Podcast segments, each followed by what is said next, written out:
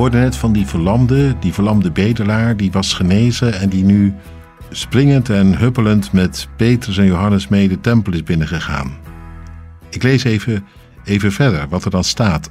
Alle tempelbezoekers zagen hem lopen en hoorden hem God loven. Ze herkenden hem als de bedelaar die altijd bij de tempelpoort had gezeten en waren buiten zichzelf van verbazing over wat er met hem was gebeurd. De bedelaar klampte zich vast aan Petrus en Johannes, terwijl de hele menigte stom verbaasd rondom hen samenstroomde in de zuilengang van Salomo. Toen Petrus dat zag, richt hij het woord tot het volk. Israëlieten, waarom bent u zo verbaasd? Waarom staart u ons aan, alsof het aan onze eigen kracht of vroomheid te danken is dat deze man weer, kon weer kan lopen? Dit kon gebeuren omdat de God van Abraham, Isaac en Jacob, de God van onze voorouders, aan Jezus, zijn dienaar, de hoogste eer heeft bewezen. Je ziet het gebeuren. Mensen die verbaasd staan, ze kennen die bedelaar en nu, nu loopt hij, heeft hij de hele tijd de boel bedot? Heeft hij gefaked dat hij verlamd was?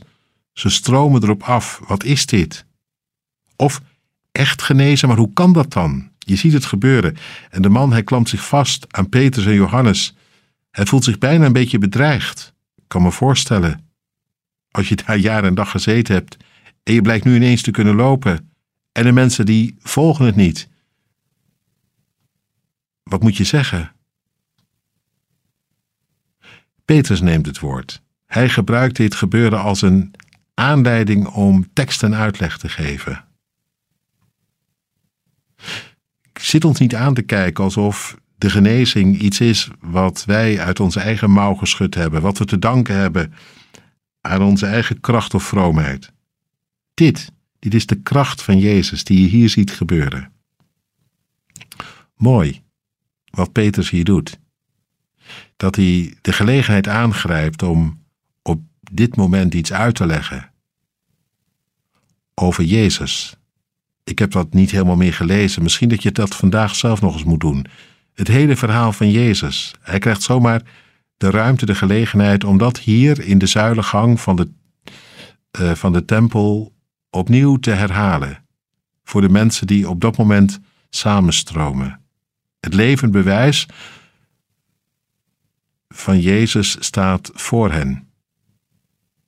Die verlamde, die is genezen. Daar kan niemand omheen. Hopelijk dat het verhaal dan ook doorwerkt. Dat je voelt, daar moet ik wat mee. Petrus grijpt de gelegenheid aan. Mooi als jij dat ook doet. Op de momenten dat heel duidelijk zichtbaar wordt dat God erbij was, dat Hij ingreep. Dat je iets van Hem ervoer en merkte.